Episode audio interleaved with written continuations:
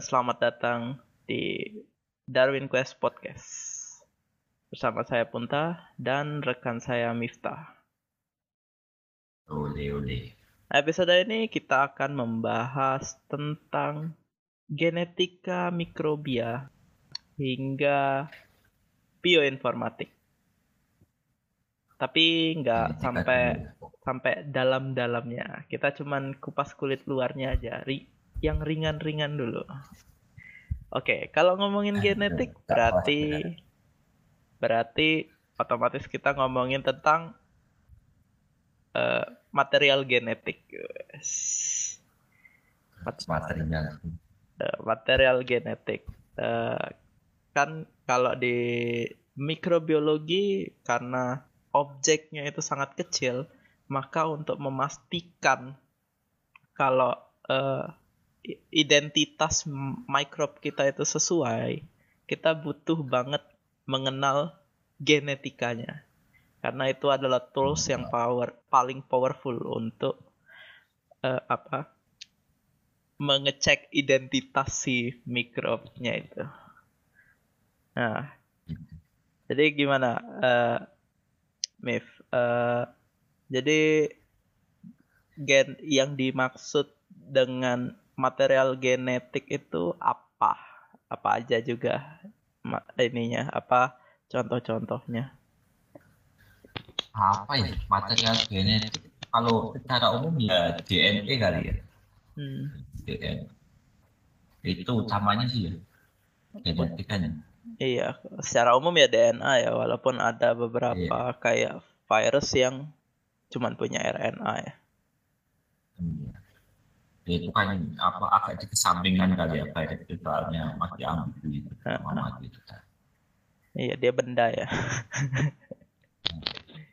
intinya un- untaian bisa nitrogen kali ya Iya. RNA iya juga sih bahasa nitrogen juga sih Iya, nucleic acid. iya kan ya nukleat acid kan Heeh.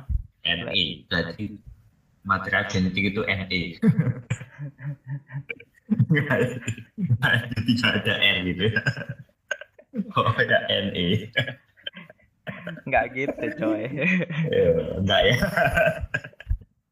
untaian yang jelas ya. Iya, untayan. Nek, nek sendiri nek sendiri sendiri dia juga nggak jadi cuma bahan aja baru mengandung informasi genetik itu setelah dia beruntai bersambung menjadi satu itu lagi Nah, Oke lah.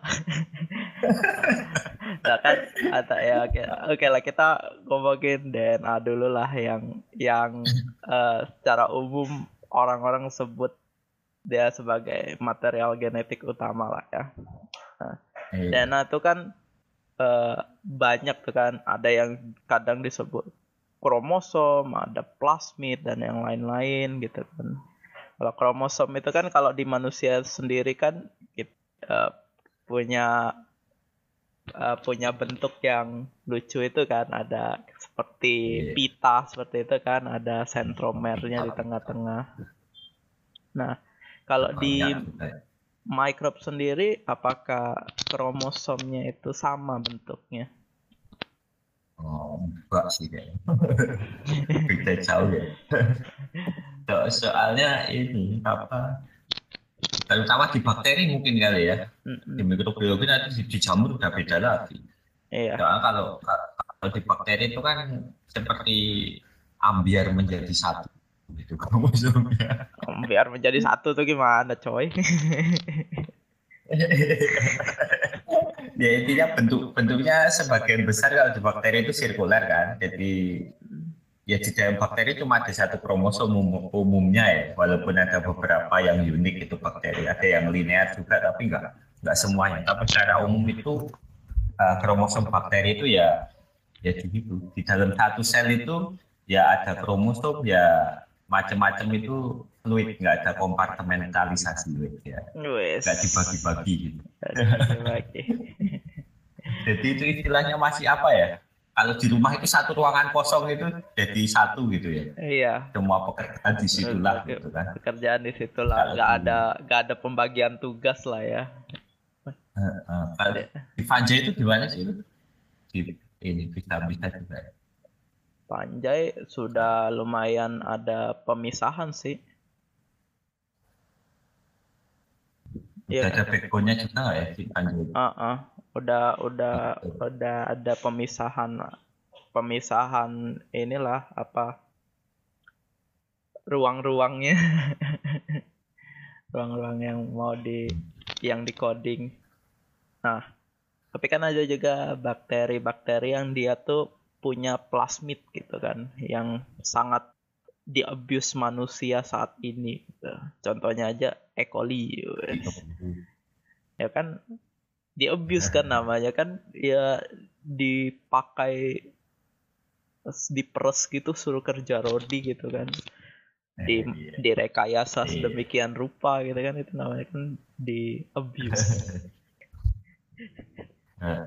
ya ya itu so- soalnya plasmid itu itu kali ya. di bis itu eh, plasmid itu untaian DNA juga material genetik juga yang tapi gampang dipindahkan gitu iya Nah, kromosom kita mau mindahin di mana coba? Susah itu.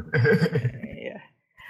Eh, kalau plasmid itu ganggu ini enggak sih? Ganggu ganggu promos kromosom enggak sih? Atau dia ini sendiri-sendiri ininya apa eh, fungsionalnya? Fungsionalnya ya bisa bareng bisa sendiri. sendiri. Tapi resource energinya sama ya jelas kan Oh, iya juga sih. Jadi buat buat menjalankan itu. Uh, jadi, jadi kalau misalkan bakteri itu apa plasmidnya udah nggak guna kebanyakan kan udah nggak nggak di ini lagi kan dibuang. dijaga lagi kan Iya, biasanya. Ya makanya kalau untuk Oh. eh, trans transgenik itu dia sebisa mungkin plasmidnya tuh di di sebagai fungsi eh, kan eh, di apa sebagai transport biar gennya itu bisa ngetarget ke kromosom utama ya biar nyisip ke kromosom utama. Soalnya kalau tetap di kalau plasmid dia bakal hmm, hilang. capek juga kali ya bakterinya kayak plasmid terus. Nah, kan setelah setelah ya kan itu DNA kan dia intinya tuh dia mengcoding seluruh kehidupannya si microbe lah ya. iya mikrob seluruh makhluk hidup juga kan Iya. Ya kan ngomongin mi- microbe ini. Ngomongin mikrobia. Oh iya, mak- Oh iya ya. Apaan sih? Soalnya kalau ngomongin eh, makhluk hidup tingkat tinggi kayak manusia udah lebih kompleks DNA-nya kan udah ke ke tight dengan bentuk yang sedemikian rupa itu di di bengkok-bengkok yang dilipat-lipat oleh protein sehingga bentuknya jadi kayak pita itu kan. Ada sistem packagingnya. Nah, ada sistem packagingnya kan kalau di Ada kurirnya juga. Gitu. Minecraft kan nggak nggak se segitunya gitu. Lalu kan eh, DNA kan Eh, bak- pada akhirnya juga bakal ditranslate menjadi RNA kan. Nantinya juga bakal ditranslate menjadi eh, apa namanya protein kan untuk mengatur sel-selnya. Nah, apa sih yang bedain banget antara DNA sama RNA itu? DNA sama RNA ini baca nitrogennya. Nah, ya, itu salah Iya. satunya ya bahasa. Itu ada ada Uranus. Ada Uranus. Itu Iya kan? Ada Eh, U, bahasa nitrogen kan. Lainnya apa lagi emang ya? ura ura ura urasil itu nggantiin T ya kan Iya ngatiin. T itu apa sih Terus apa? T itu timin. eh, timin terus Iya kan? gulanya yang jelas kan kalau DNA kan deoksiriboksi Riboksi. Enggak di. Itu itu kalau udah untaiannya juga ini sendiri kan RNA tuh. iya biasanya sih RNA tuh single strand ya jadi jarang deh Nah, single strand. Dan- Dan walaupun DNA juga ada yang single strand, iya tapi RNA single. RNA tuh biasanya Emang juga apa? juga ngebentuk package package sendiri kan dia bentuknya kan Iya. bisa bisa bisa nyatu satu itu alpha helix, beta helix gitu.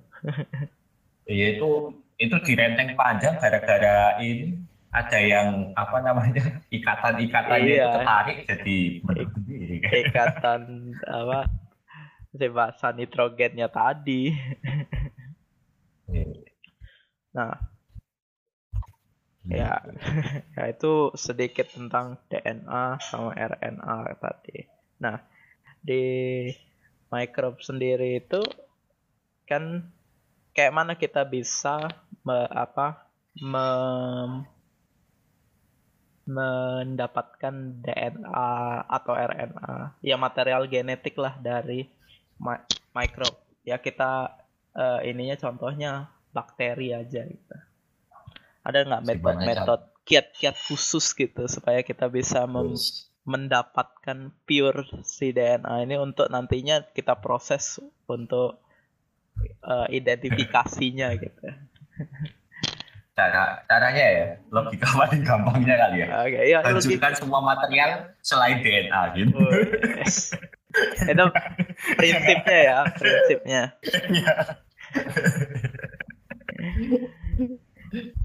Iya gitu gak sih? Iya betul. Lalu singkirkan ya. Eh singkirkan semua material selain DNA. Gitu. Ya nanti macam-macam ininya, maka paling reagen-reagen protein- proteinase gitu kan buat Hmm. ngancurin teresah-teresahnya itu hingga Pokoknya- sampai tersisa Yang, yang namanya DNA. yang jelas langkah paling awal adalah kita harus mecah si selnya itu. Iya, pecah sel ambiar. karena karena kalau kita nggak mecah selnya kita nggak bisa pada DNA-nya. Iya. Itu deteksinya juga gimana itu? Kita tahu dapat apa enggak itu gimana ya, Pak? Ya kan ada metode yang namanya spektrofotometri.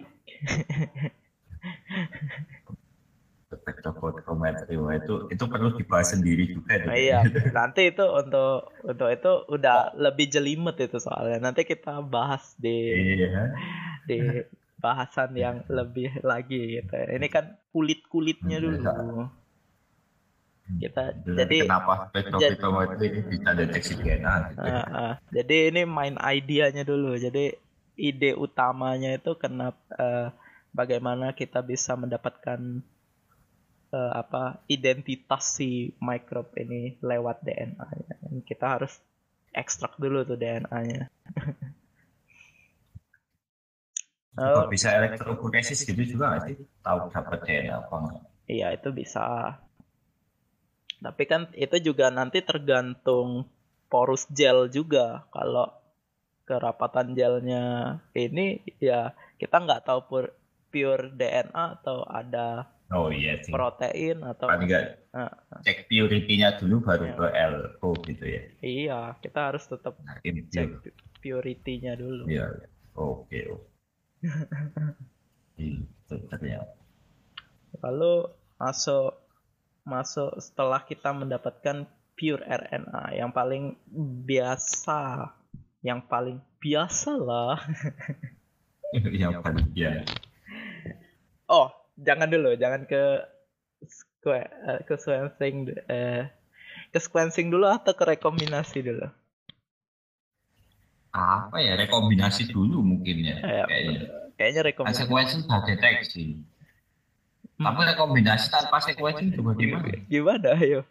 Ya udah kita sequencing dulu, kita sequencing dulu. Sequencing dulu tahu informasinya baru direkombinasi kayaknya ya. Iya, Kalau nggak tahu apa-apa mau rekomendasi rekombinasi ya. benar. Oke. Oke, Oh, kita bahas sequencing itu apa itu sequencing? Tadi tadi ngomong-ngomong sequencing ya. apa ya, Mif? Sequencing. Dan tadi aku yang yang yang ngomong terus nih. Oh gitu ya. Ya kan gantian aku nanya. sequencing itu ya itu itu kan banyak aja ngurutin gitu kan pengurutan berarti berarti itu ngurutin bahasa nitrogen dari DNA itu tadi biar bisa dibaca ya nggak sih Betul. kalau nggak diurutin kan nggak bisa dibaca tuh Ya intinya tuh uh, uh, intinya kita mau ngebaca urutan dari si basa, nit basa nitrogen yang ada di material genetik itu. Entah dia dari DNA, RNA. Sequencing itu juga bisa untuk protein ya. Iya. jadi ya, itu intinya ngurut-ngurut. Ah, ah, ngurutin. Jadi kalau khusus untuk protein itu yang dibaca sama aminonya. RNA bahasa nitrogennya turut-turut gitu RNA juga. Mungkin uh, dengan bahasnya itu. Hah? Metodenya gimana cara kita bisa ngurutin ya? Ya metodenya ada banyak ya metodenya cuman ha intinya tuh kita uh, yang uh, paling tradisionalnya itu kita ngurutin berdasarkan uh, potongan dan berat molekulnya kan nanti baru di oh, iya. di di apa di di di susun supaya dia tuh bisa menjadi terbaca gitu kan nah, paling simpel itu elektroforesis itu tadi lagi ya? iya paling simpel ya. Kayaknya itu intinya paling deh. Kita bakal kalau ngomongin ini kita bakal banyak ngomongin tentang elektroforesis. Entah nanti modelnya dalam bentuk apa aja. Oh, itu okay. itu kayaknya ide dasar dari semua yang ide dasar, ide dasar dari semua semua apa pemisahan pemisahan seperti ini deh. Baru berkembang sampai yang paling advance sekarang ini. Iya. Baru masuk Terus, ke rekombinasi. Rekombinasi. Rekombinasi itu apa rekombinasi itu. Ya kombinasi itu ya kita mengutak-ngatik uh, eh, DNA yang sudah ada di mikrobnya biasanya sih kebanyakan sebagian besar itu plasmid ya halo Bung Miftah anda menghilang.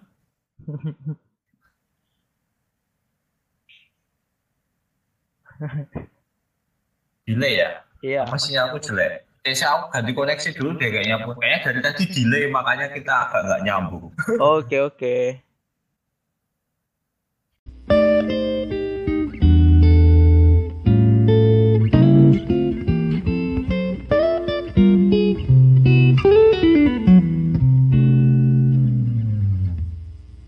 Sampai mana tadi? Rekombinasi ya, rekombinasi.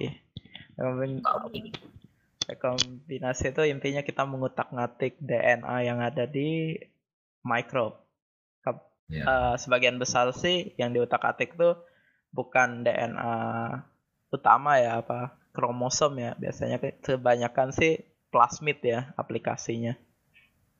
Iya, ya gara-gara mudah dipindahkan itu tadi. Ya, karena ukurannya kecil. walaupun nanti targetnya kromosom pun biasanya perantaranya tetap plasmid gitu. Ya, jadi dulu baru dilempar ke kromosom wing gitu. Contohnya tuh oh, di ini ya di apa namanya di kayak tanaman transgenik itu itu kan juga pakai perantara kromosomnya ya. agrobakterium ya. Iya, bikin tumor-tumor. Jadi jadi agrobakterium itu tuh penyebab tumor tanaman intinya.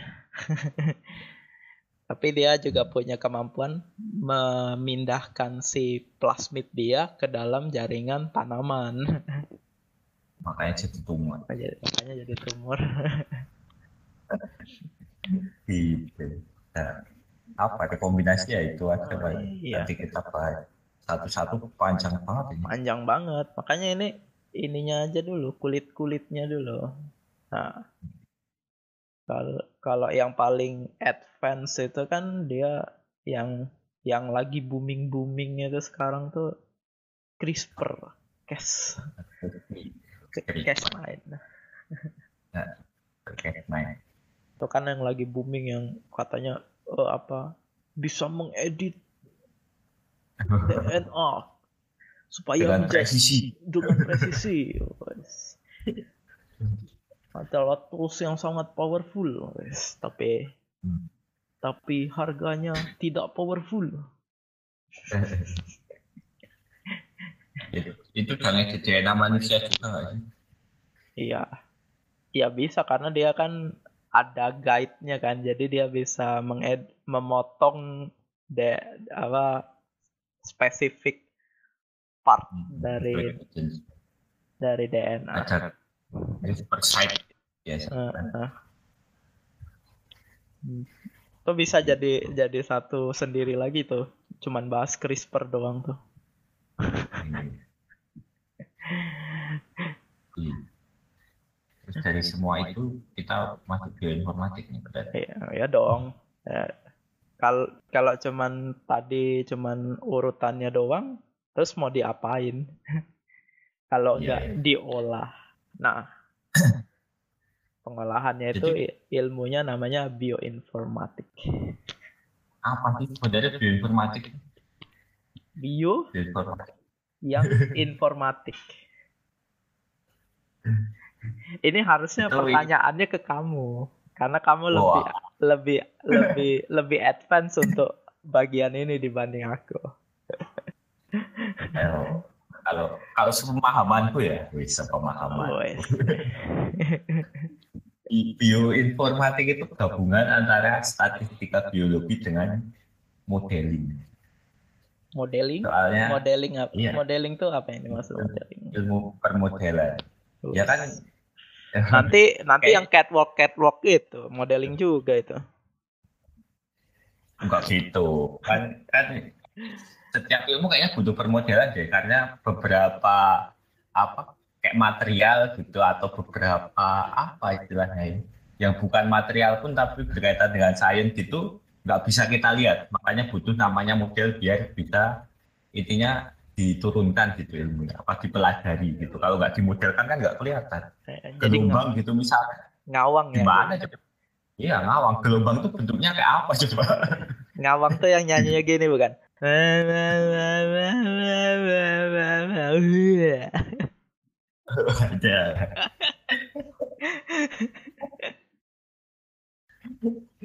Gitu. begitu sih kalau menurut saya mungkin anda punya pandangan lain saudara Punta Iya, pokoknya apa menginformasikan si si biologi tadi, bio tadi. pakai YouTube ya iya. Nah, fungsinya apa sih kita ini eh, apa kita me- mengolahnya secara dengan bioinformatik tadi mengolah datanya tadi secara bioinformatik dengan tools bioinformatik. Sebenarnya tadi udah kejawab sih untuk memodelkan supaya mudah dipelajari dan Ya. dimengerti gitu. Datanya tuh bisa di di dipelajari lah ya. ya ya itu tadi kan sebenarnya paling gampang sih simpelnya fungsinya itu kayak sequencing tadi kalau kita lihatnya dalam bentuk gel elektroforesis gitu kan pusing ya Hmm. ya tahu sih urutannya kayak gitu tapi dengan bioinformatik itu data disajikan dalam urutan nanti udah disimplifikasi jadi ATGC gitu kan Dal- dalam- kalau itu itu kan kalau tool yang baru-baru itu kan udah sik apa bentuknya signaling ya nggak nggak nggak Iya.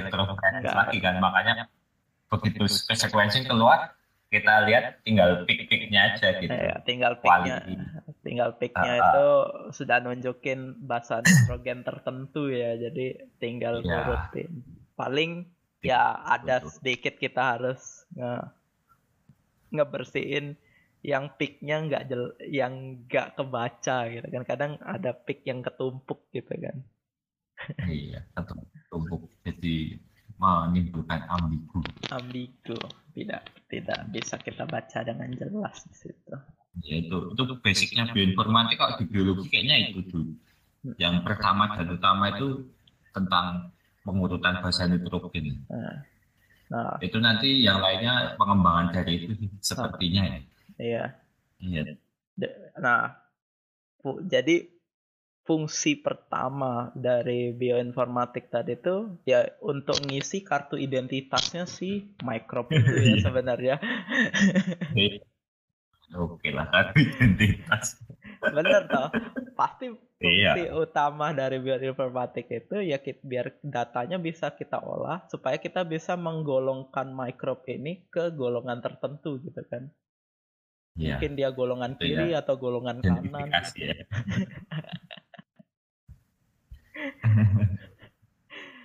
ya atau identifikasi. Sebenarnya kayak metabolit metabolit gitu masuk bioinformatik gak sih pengolahan? Masuk, masuk. Nanti itu. kan itu udah identitas ya. Ya, ini kan identitas dulu. Lalu yang kedua ya jelas untuk mengetahui fungsi metabolitnya tadi kan. Mapping lah ya, mapping apa aja yang gen ini bisa bisa kerjakan gitu ya. Peristiwa translasi kayak gitu, transkripsi. Dan Jadi ini, yang sequencing kan bukan cuma DNA ya? Iya. RNA protein gitu. Dan apa bedanya sih kita sequencing DNA itu buat apa, RNA buat apa, protein juga buat apa gitu. Kenapa nggak cuma DNA aja kan udah tahu semua? Uh, kan, kan kalau cuma DNA, DNA tuh nggak semuanya itu di di di convert di bahasa mudanya apa sih di dibaca ya di eh, diterjemahkan gitu. diterjemahkan iya. oh iya diterjemahkan uh, menjadi suatu kan kali uh, suatu metabolit gitu kan. Jadi kayak uh, uh. dia tuh kode kan. Jadi nggak semuanya diterjemahkan gitu. Ada yang nggak diterjemahkan. Nah buat, buat apa juga nggak diterjemahkan? Ya untuk melindungi yang diterjemahkan tadi supaya nggak terkena mutasi dan lain-lain. Biasa biar keren-kerenan gitu. Bisa juga sih, kadang juga biar itu juga biar untuk membuat para peneliti itu punya kerjaan lebih untuk memilah oh, yang ditranslasi atau yang enggak. ya ditranskripsi atau enggak. Posting gitu. Iya. Oh, berarti dengan iya. dengan sequencing RNA gitu kita bisa tahu ini ya rate ekspresinya. Iya kan. Jadi DNA yang di di apa di uh, uh, pasti diterjemahkan dulu ke RNA. Jadi itu pasti yang terbaca. yang terbaca nanti berapa banyak terbaca gitu juga bisa tahu dari RNA. Dari RNA-nya. Nanti dari RNA kan juga kita bisa lihat proteinnya tuh kayak apa gitu kan. Di modeling okay. bentuknya. Itu kan juga ada sequencing protein nantinya. Predik struktur protein. Kalau yang paling paling paling ini apa? Mungkin paling umum ya untuk RNA sequencing itu mungkin untuk nentuin pathway ya. Bisa, bisa kali. Nah, nah. Sebenarnya dari DNA juga udah bisa jadi pathway-nya juga. Pathway spesifik mungkin kali ya. Iya, pathway spesifik ya. Uh, RNA-nya pathway spesifik. Jadi kan dia juga ada kan kita juga bisa tahu uh, seberapa konsentrasi RNA yang yang di transkrip kan yang di diubah gitu. Iya. Ya, ya kita nanti bisa tahu ini juga sih apa respon suatu ah. mikrob terhadap lingkungan apa terhadap apa gitu kan ya, dari, dari RNA. Jadi uh, sequencing untuk bioinformatik itu sebenarnya nggak bisa berdiri sendiri DNA sendiri atau RNA sendiri gitu ya kalau mau mau lebih dalam ya tapi kalau cuman kayak mau tadi untuk uh, apa tanda uh, tanda pengenalnya tadi ya bisa eh, dari DNA. DNA sendiri bisa ya itu bahkan bukan DNA full bahkan kadang cuma uh, cuman part dari DNA-nya itu kan hmm. kayak bakteri kan cuman bagian dari R uh, apa 16 ribosomal ribosomal RNA. Cuman DNA DNA yang bakal menjadi itu, bakal ditranslate yeah. menjadi itu. Kan juga juga cuman partnya gitu. Kita udah bisa tahu oh ini bakteri ini namanya ini gitu. Tinggalnya di sini. Oh enggak ya.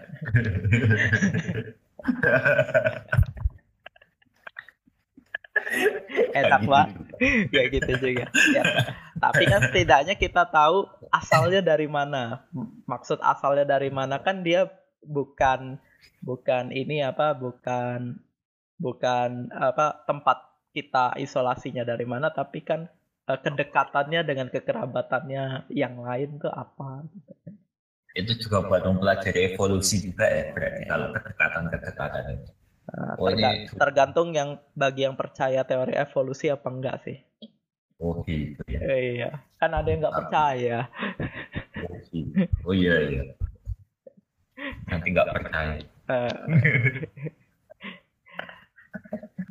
ya te- ya lalu untuk mem- kan juga Tapi- untuk mempelajari si protein tadi nah salah satu yang mungkin aplikasinya tuh lagi hot ya saat ini tuh untuk salah satunya tuh deteksi COVID itu kan pakai PCR tuh. Iya iya. dengan tanpa adanya ilmu bioinformatik itu nggak mungkin bisa ngelakuin PCR COVID. PCR COVID itu ngapain tuh sebenarnya tuh? Ya, PCR. PCR, PCR kita udah jelasin belum ya? Belum ya, kita harusnya jelasinnya Wah. tadi dikit. Iya. Sebelum di sequencing itu kalau mau target gen kan kita harus PCR dulu. Oh ya. iya, benar-benar. Oke, gitu. kita jelasin Jadi- dulu jadi- protein eh, apa Ah. PCR. Iya, jadi jadi sebenarnya sebelum sequencing kan tadi udah dijelasin juga nggak sebenarnya nggak nggak di awal itu nggak perlu seluruh genom itu di sequence untuk mendapatkan informasi bisa cuma 16 apa gen-gen spesifik itu kan Nah, partnya aja. hmm, partnya itu kan cara mendapatkannya dengan PCR gitu. Nah, begitu. Bagi apa itu PCR? Kepanjangannya sih. Chain reaction. Aku udah mau ngomong, tapi kenapa kamu timpalin? Oh gitu ya. Ya udah ngomong-ngomong ngomong. Gak jadi. Iya gitu.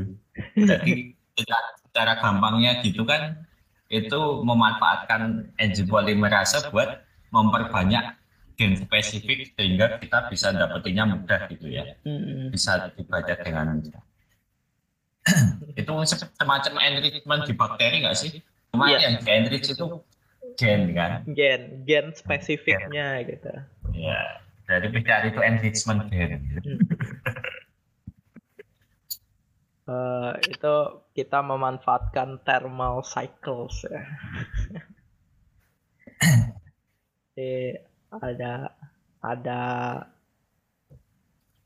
apa polimerase enzim yang ber- berperan di situ polimerase. Jadi kita eh, punya potongan eh bukan potongan ya itu apa basa basa nitrogen satu-satu ya itu malah ya Iya, pasien itu satu satu ambil dirangkai. gitu. dirangkai dengan bantuan polimerase untuk spesifik eh, gennya itu. Nah, biar bisa dia spesifik itu butuh primer.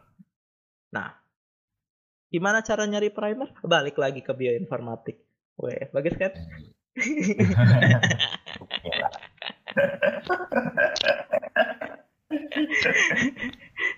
Balik lagi ke bioinformatik.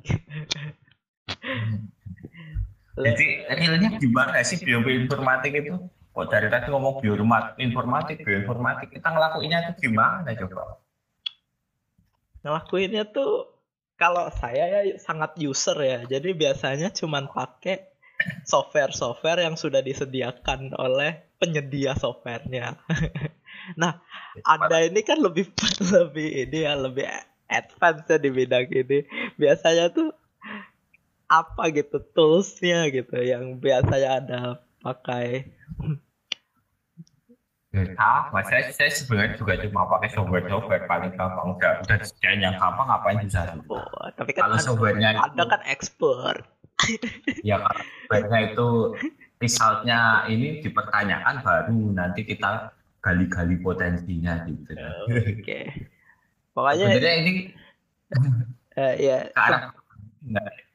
Gitu. nggak ada sebenarnya untuk uh, mempa- lebih dalam menggali tentang bioinformatik ini yang kita butuhkan pertama adalah database betul Ya, benar. jadi uh, uh, data-data dari genetik uh, genetiknya mikrobia tadi itu dibikin suatu database Uh, untuk database yang uh, biasanya tuh disebut juga bank bank gen apa sih Dan Jindin Ben. gen bank Iya. kok gak enak ya udah ngomongnya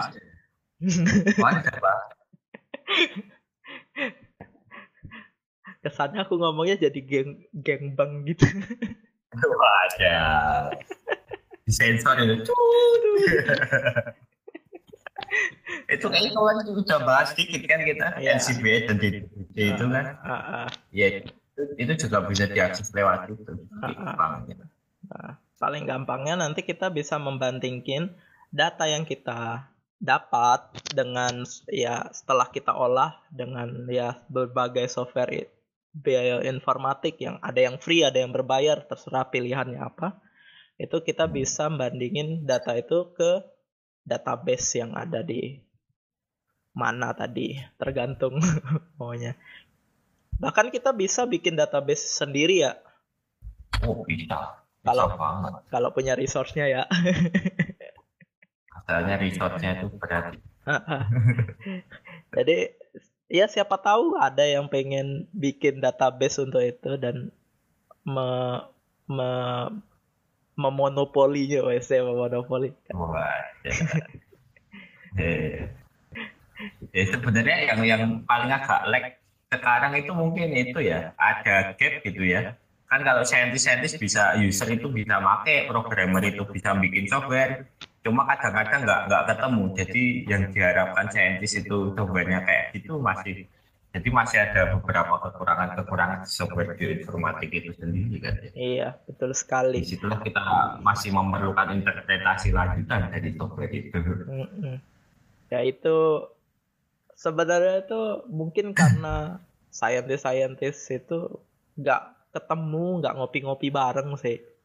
iya Jadi Hmm. si si yang dia si bioteknologis itu sibuk dengan biotek urusannya ini doang, yang si programmer softwarenya ya cuman Iya. bikin software doang, jadi nggak ketemu. masih sesuai pesanan gitu ya Oh. Itu kalau di Jawa itu ngopinya kurang kental dolarnya kurang aduh Waduh. yang artinya kurang piknik artinya. Tapi kok tadi ada kopi-kopi ya? ya kan ngopi kan ngobrol gitu.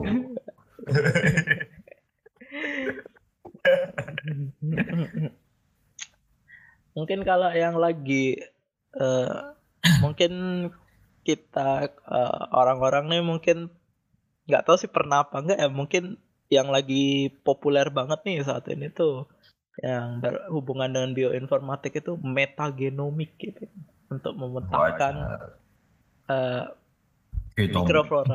Mikroflora. Apa sih namanya? Mikrobioma. Mikrobioma. Iya, gitu. mikrobioma. Mikrobiom itu juga lagi hot itu. Makanya metagenomik itu hot ya. Iya. Tapi tapi nggak tahu nggak sih? Nah, di umum hot nggak sih? Apa di saintis aja itu hot?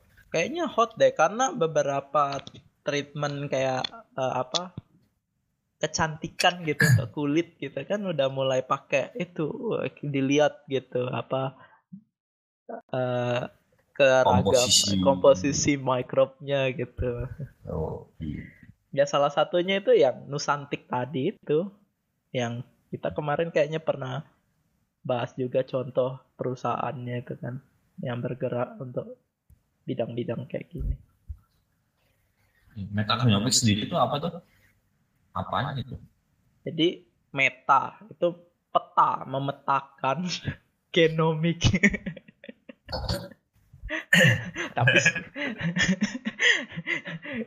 intinya intinya gimana ya memetakan ya bener kan memetakan genomik iya tapi da dalam lingkup environment gitu kan dalam bentuk Iya. dalam lingkup sebenarnya itu Komunitas, dari ya. perkembangan PCR itu juga ya Iya. polymerase chain reaction yang sekarang udah enzymatic makanya uh, nge polymerase chain reaction-nya bisa protein gitu ya. Iya jadi bisa banyak banget kali siklus dan Bisa jadi bisa tahu eh, apa namanya situasi terkini ya apa sih? Situasi aktual dari dari ke komunitas eh, dari eh, apa konsentrasi gen yang ada ya bisa jadi bisa mewakilin konsentrasi komunitas populasi gitu ya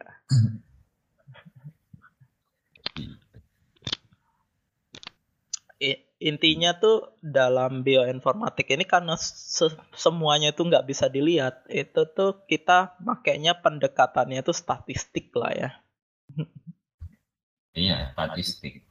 Dan itu sih sebenarnya yang yang sekarang agak tergeser itu bioinformatik itu seakan-akan itu yang utama gitu. Padahal bio bioinformatik itu sebenarnya cuma supporting Iya, supporting. supporting tool Jadi ya hasil dari bioinformatik sendiri itu masih tergantung tangan tangan orang yang mengerjakan sampel yang dianalisis bioinformatik itu sendiri. Jadi Iya. masih kemungkinan errornya masih banyak di kalau Jadi- error dari di bioinformatik juga tetap error kan. Oh iya. Jadi un- jadi jelas bioinformatik itu nggak bisa berdiri sendiri, harus ada data pendukung lain. Kayak misalnya tadi dia mau lihat kedekatan dengan apa namanya kedekatan si identitas ini dengan kekerabatannya gitu. Itu kan juga perlu improvement lain gitu, misalnya DNA DNA hybridisasi gitu kan untuk Iya. nyocokin nih, oh ini KTP-nya bener mirip nggak gitu. Ya, biasanya didampingi hibridisasi atau yang kemarin kita bahas itu secara biokimia, Iya, biokimia. mikrobianya itu seperti apa. Jadi kalau jadi kalau bioinformatik itu berdiri sendiri itu kita nggak bisa sure itu yakin itu benar-benar datanya tuh akurat gitu. Harus ada data pendukung lain ya. Begitu pula data pendukung lainnya itu juga perlu informatik buat ini apa biar bisa diperdalam lagi, dipelajarin lebih, digali lebih dalam lagi gitu maknanya apa. Wes, bisa sendiri-sendiri itu. Mengkaji kita mengaji.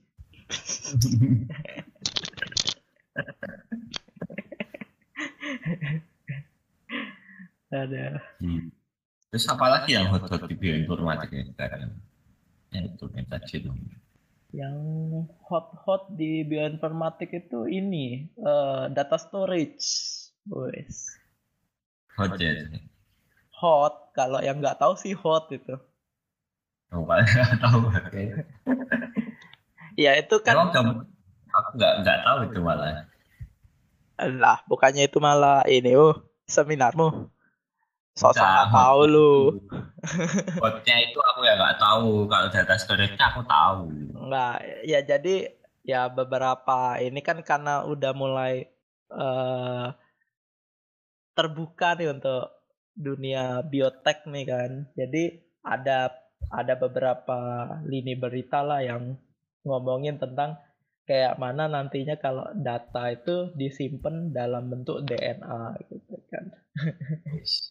Mung- ya mungkin ini memang sebenarnya udah lama gitu ada Ya. wacana ini bahkan juga sudah ada yang mempraktekannya gitu cuman kan kalau awam baru melek kan karena covid covid ini jadi baru booming lah.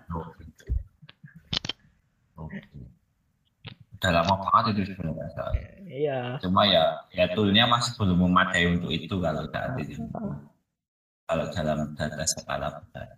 Mungkin mungkin ke depannya juga komputasi itu berdasarkan DNA juga kali ya. Jadi kita membentuk sistem biologi di komputer. nah kalau itu baru bisa bisa jadi itu apa biohacker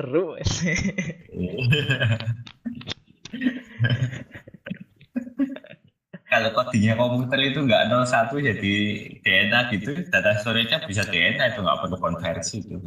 Oh iya juga sih, benar. ya itu uh, masih masih perlu riset yang dalam lah ya untuk iya. biar bisa benar-benar pengaplikasian sehari-harinya tuh bisa kelihatan gitu. Hmm. Toh kayak um, bioinformatik nih juga ya mungkin ini nggak terlalu populer tapi umum lah digunakan sekarang untuk uh, kecocokan pasangan suami istri kalau pengen punya anak. Jadi untuk menghindarin anaknya terlahir cacat.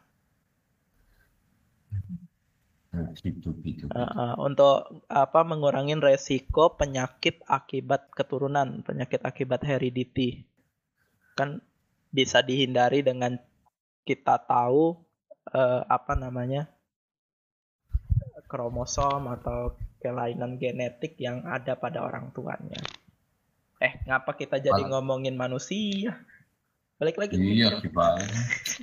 Makanya kalau itu ini forensik juga masuk ya. Iya, itu forensik. Uh, ini anaknya siapa? Ini anaknya siapa? Gitu kan. Pakai Apalagi di zamannya Open BO ini ya. Iya. Bingung nanti nyari bapaknya. Solusinya bisa dengan informatik gitu.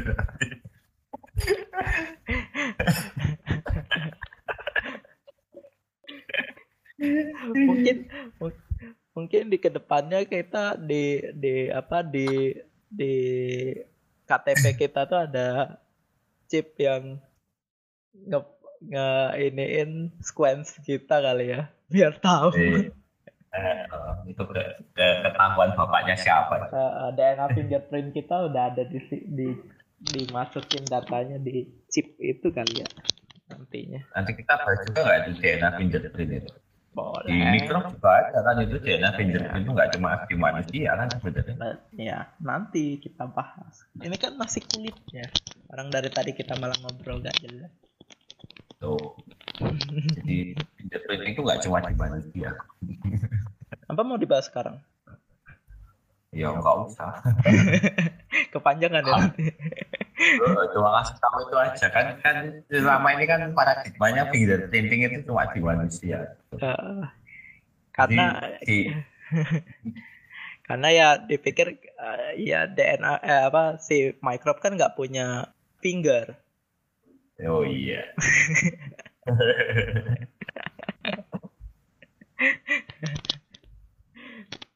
Berat juga ya. Tuh. nah kita balik lagi ke microbe lah. Nah uh, dengan dengan belajar genetik, bioinformatik gitu untuk microbe. Nah itu makanya kita bisa tahu tuh kalau sekarang tuh udah banyak gitu apa varian dari COVID gitu. Jadi kita tinggal pilih aja mau kena yang mana gitu. Enggak ya?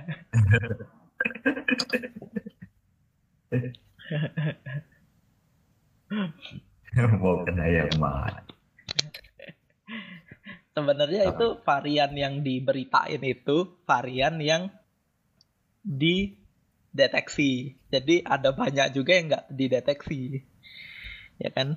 Variannya lebih dari itu. Mungkin, uh, uh, mungkin uh, apa yang sudah mutasi itu udah lebih banyak jumlahnya, tapi nggak tahu aja. Kalau kalau mutasi virus itu sebenarnya cepat juga nggak sih? Sama bakteri cepat mana? Kayaknya ya semakin pendek ran, apa ininya jumlah bahasa bahasa uh, jumlah urutan genet urutan basa nitrogennya ya semakin cepet lah karena kan rubah rubah satu aja uh, uh, rubah satu aja udah shiftingnya banyak. Iya berapa persen sendiri tuh satu bahasa sedangkan kayak di uh, bakteri kayak gitu kan dia ada juga yang bagian yang nggak kena nggak nggak di di di ditranslate kan nggak di nggak diterjemahkan kan. Jadi ya kalau kalau di bagian itu yang mutasi kan ya nggak terjadi apa-apa juga. Ngomong-ngomong soal virus nih, sebenarnya kan nggak cuma manusia yang yang bisa kena virusnya, bakteri aja bisa kena virus. iya. Nah, yang paling terkenal itu bakte bakteriofag gitu. Iya, bakteriofag. bakteriofag gitu. Itu virus yang ngefuck bakteri Iya, ta- ta- tapi sebenarnya malah banyak manfaatnya ya buat buat apa? Ah, ah. Pengkajian genetik. Iya betul. Itu malah malah untuk tadi kaitannya dengan rekombinan tadi. Iya, banget. bakteriofag itu targetnya itu spesifik untuk inang dia sendiri ya. Semua va- semua virus kan kayak gitu kan dia spesifik ininya, spesifik inang.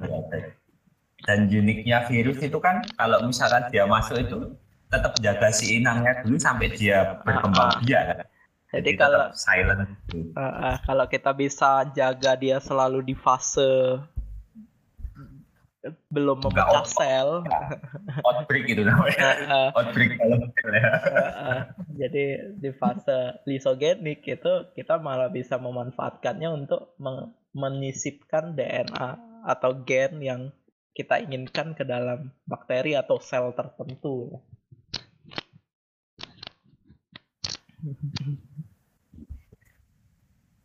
Nanti itu bakteriofag itu bisa jadi ini sendiri karena aplikasi bakteriofag tuh luas banget bahkan untuk medical treatment sekarang tuh juga ada pakai bakteriofag. Iya.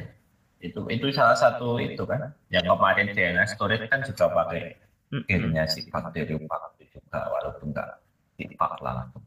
Mm. ya saling membantu lah mereka. Jadi Kalau jamur itu enggak sih? apa? Jamur, jamur. Kenapa? Panjai. Kenapa? Manjai. Kenapa? Kena virus ya bisa lah. Tapi kan kita jarang mempelajarin virusnya di jamur. Iya ya, jamur-jamuran gitu.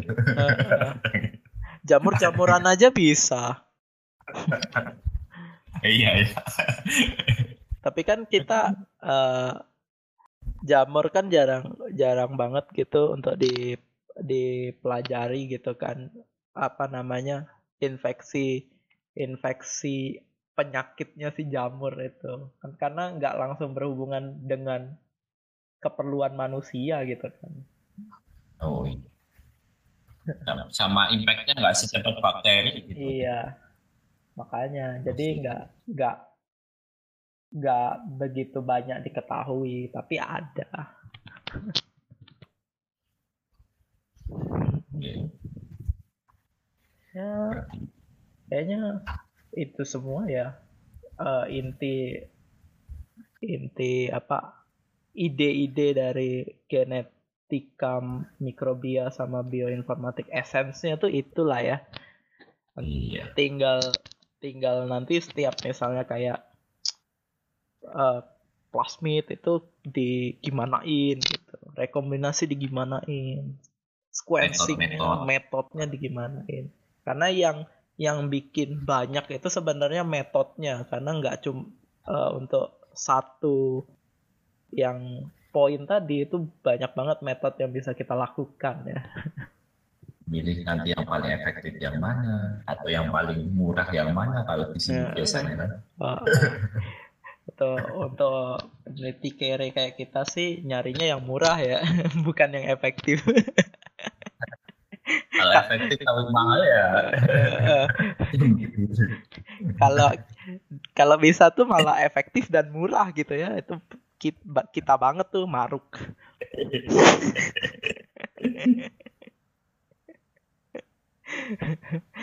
Oke lah, itu dulu aja yang bisa kita sampaikan. Sekian eh, Darwin Quest Podcast episode kali ini. Saya Punta dan rekan saya. Siapa boy? Kita. Oke. Sem- Semoga episode ini bisa memberi informasi bagi kalian. Sampai jumpa di episode berikutnya. Bye bye. Bye bye. Bye bye.